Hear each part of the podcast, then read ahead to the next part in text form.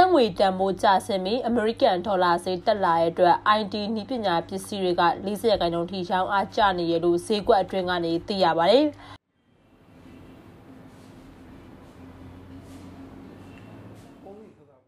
လုပ်ငန်းရှင်တွေကအမေရိကန်ဒေါ်လာဈေးတက်တယ်လို့လိုတော့ဝယ်လို့မရတဲ့အတွက်ကုန်ပစ္စည်းတွေမှာယူတင်သွင်းမှုမှာအခက်အခဲတွေကြုံတွေ့နေပြီးပြန်ရောက်တဲ့အခါမှာလည်းကုန်ပစ္စည်းတွေကဈေးကြီးနေတဲ့အတွက်အရာဝယ်ဖြစ်ဖို့ကလည်းခက်ခဲနေရပါ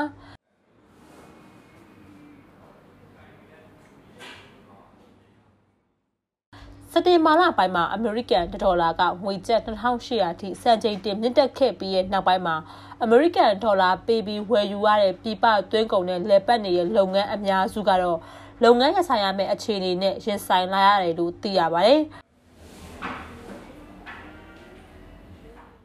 ဒီနောက်မှာလည်းဤပညာပစ္စည်းတွေဖြစ်တဲ့ကွန်ပျူတာနဲ့ဖုန်းဈေးကွက်ကလည်း40ရာခိုင်နှုန်းထိအယောင်းဝယ်တွေကျသွားပါတယ်။ ငွေဈေးမတည်ငြိမ်တဲ့အတွက်မှာယူတင်သွင်းတုံးကဈေးနှုန်းနဲ့ပြန်ရောင်းတဲ့ဈေးနှုန်းကိုချင့်ချိန်ဖို့ကလည်းခက်ခဲနေပြီးငွေကြေးနစ်နာဆုံးရှုံးမှုတွေများလာတဲ့အတွက်လည်းဤပညာပစ္စည်းတွေရဲ့ model အသစ်တွေကိုမှာယူတင်သွင်းတာတွေကလည်းရပ်ဆိုင်းထားရတယ်လို့ ID ပစ္စည်းအယောင်းဆိုင်ပိုင်ရှင်တွေကပြောဆိုပါတယ်။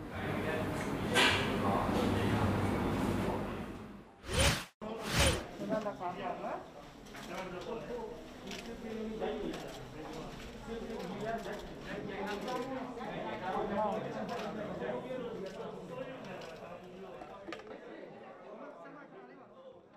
ြန်မာနိုင်ငံမှာက COVID-19 ကာကွယ်ဆေးထိုးပြီးသူအရေးအတွက်က8.68တန်းကျော်နေပြီလို့အကြမ်းဖက်စစ်ကောင်စီရဲ့ကျန်းမာရေးဝန်ကြီးဌာနကထုတ်ပြန်ပါတယ်။ ထုတ်ပြန်ချက်ထဲမှာတော့တိုင်းဒေသကြီးနဲ့ပြည်နယ်အလိုက် COVID-19 ကာကွယ်ဆေးကိုဥတီအုပ်စုတွေလိုက်ထိုးနှံပေးပြီးအော်တိုဝါလာ9ရက်နေ့အထိတော့ကာကွယ်ဆေးတစ်ချိန်ထိုးနှံပြီးသူက4.83တန်းကျော်နှစ်ကြိမ်အပြည့်ထိုးနှံပြီးသူက3.64တန်းကျော်နဲ့စုစုပေါင်း8.68တန်းကျော်ရှိပြီလို့ထုတ်ပြန်ထားတာပါ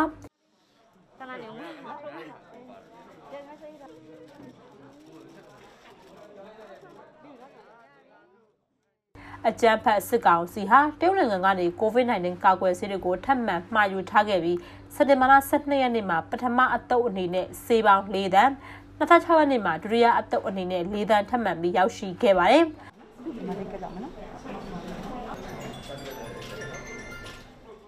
အကြမ်းဖက်စစ်ကောင်စီကအာဏာသိမ်းယူထားခဲ့တာကအချိန်၈လကျော်ကြာပြီးရဲ့နောက်မှာနိုင်ငံရေးမတည်ငြိမ်မှုတွေနဲ့အတူစီးပွားရေးလူမှုရေး ပြည်သူ့ကျန်းမာရေးထောက်ချမှုတွေကအဘက်ဘက်မှာကျဆင်းနေတာပါ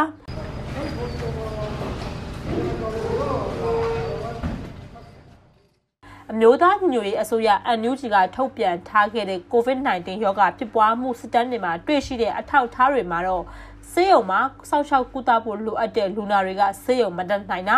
အွန်လိုင်းကနေပဲကုသမှုခံနေရတာ စစ်ကောင်စီကအမှန်တကယ်သိဆုံးမှုကိုမဖော်ပြတာစတဲ့အချက်လက်တွေကထင်ရှားနေခဲ့တဲ့အတွက်စစ်ကောင်စီက COVID-19 ကာကွယ်ထိန်းချုပ်ကုသမှုလုပ်ငန်းတွေမှာမှားယွင်းညံ့ဖျင်းစွာစီမံနေရလို့လည်းသုံးသပ်ထုတ်ပြန်ထားခဲ့ပါတယ်။ COVID-19 တတိယလှိုင်းကာလမှာတော့သေဆုံးသူတွေရဲ့83ရာခိုင်နှုန်းကတော့လိုအပ်တဲ့ဆေးရုံတွေမှာတက်ရောက်ခွင့်မရဘဲနေအိမ်တွေမှာသေဆုံးခဲ့ရတယ်လို့လည်းဖော်ပြထားပါတယ်။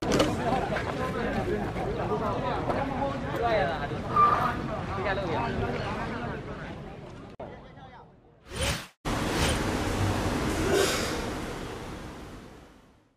မေရိကန်ဒေါ်လာလဲတဲ့နှုန်းမြင့်တက်မှုတွေကိုရော့ချစေဖို့ဆိုပြီးပြည်ပကနေလူစီးမော်တော်ယာဉ်တင်သွင်းမှုကိုစစ်ကောင်စီဘက်ကပိတ်လိုက်ပြီးတဲ့နောက်ပိုင်းမှာပြည်တွင်းမှာမော်တော်ယာဉ်အဟောင်းတွေကအဝယ်လိုက်ပြီးဈေးမြင့်နေလို့သိရပါတယ်။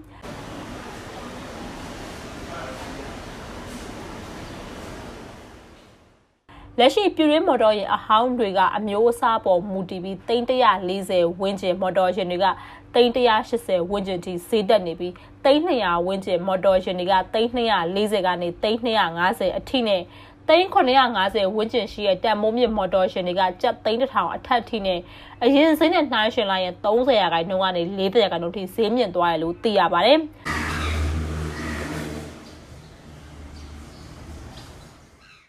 ဒီလိုကားစည်းတုံးတွေမြင့်တက်တာကပြည်ပကနေကားတင်သွင်းခွင့်ပိတ်လိုက်တာကြောင့်လည်းပါဝင်တယ်လို့ပြည်သူတွေကရွှေနဲ့ဒေါ်လာအပြင်မော်တော်ယာဉ်ဘက်ကိုလည်းဝယ်လိုအားလိုက်နေခြင်းနဲ့သက်ဆိုင်တယ်လို့ကားအယောင်းဝယ်ပြုတ်သူတွေကပြောဆိုပါတယ်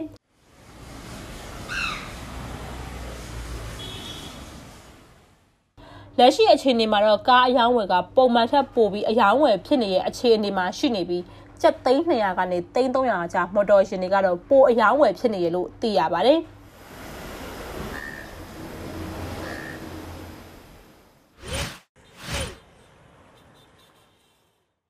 အခုနှစ်မိုးစဘာစိုက်ပျိုးရသည်မှာစိုက်ပျိုးရည်တုံးတဲ့ပစ္စည်းတွေသွေးအားစုတွေရဲ့ဈေးနှုန်းတွေကနှစ်ဆကျော်မြင့်တက်နေတဲ့အတွက်တောင်သူတွေကအရှုံးပေါ်နေရလို့သိရပါတယ်။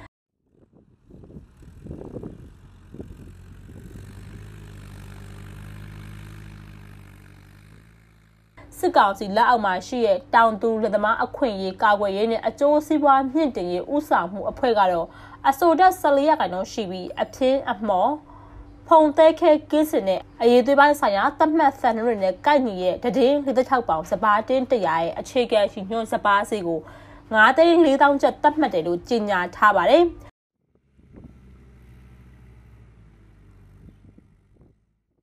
ဒီလိုသတ်မှတ်ပင်မဲ့လည်းတကယ်မြေပြင်မှာတော့46ပေါင်နဲ့ဝယ်တဲ့ကုန်တယ်ဆိုတာကမရှိတော့သလိုအညာဘက်မှာလည်းစံလိုအပ်မှုတွေကရှိနေရလို့ကုန်တယ်တွေကဆိုပါတယ်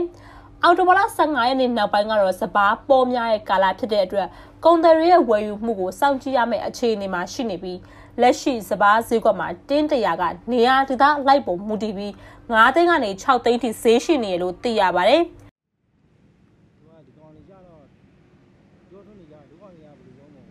ပြီးခဲ့တဲ့နှစ်ကတော့စပားတင်းတရာက9သိန်း2000ကျပ်ရှိခဲ့ပြီးအခုကုန်စည်နှုန်းကြီးမြင့်တဲ့နှစ်မှာတော့ စပားဈေးက9သိန်း4000သတ်မှတ်ပေးတာကလည်းအရာရောက်တာမဟုတ်ဘူးလို့တောင်သူတွေကပြောဆိုပါတယ်။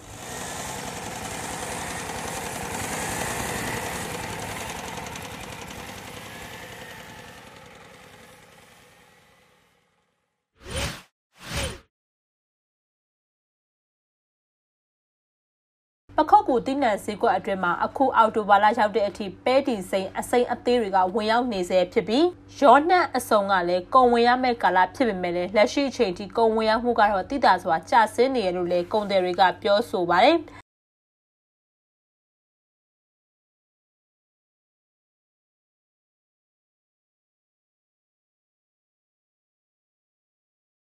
ပကောက်ကိုဒေသတဝိုက်ကနေထွက်ရှိတဲ့ပဲတီစိမ့်တွေကအခုနှစ်မှာမိုးရရှိမှုများပြားတဲ့အတွက်တောင်သူတွေမှာတော့အထွက်နှုန်းကကောင်းမွန်ခဲ့ပြီးလက်ရှိချိန်ထိရောနေ့စဉ်အိတ်ရီ400ကနေ900ထိကတော့ဈေးကွက်ထဲကိုဝင်ရောက်နေစေဖြစ်တယ်လို့သိရပါတယ်လက်ရှိမှာတော့ပခုတ်ကူဒေသကထွက်ရှိတဲ့ပဲတီစိမ့်တွေကိုရန်ကုန်ဝက်လက်တွေကဝယ်ယူရနေရမှာတည်င်းကိုကျပ်4500ခန့်ပေါက်ဈေးရှိပြီး ကြက်ငွေတန်ဖိုးကျဆင်းတဲ့အတွက်လည်းတီးနှံစည်းနှုန်းတွေကလည်းမြင့်တက်နေရလို့သိရပါတယ်။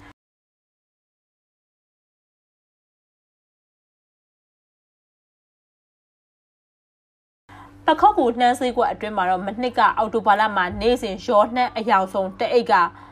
1000ကနေ2000ထိဝင်ရောက်လေရှိပေမဲ့လေအခုနှစ်မှာတော့တစ်နေ့ကိုအဲ့ဒီ400ကနေ900လောက်ပဲဝင်ရောက်တယ်လို့သိရပါတယ်။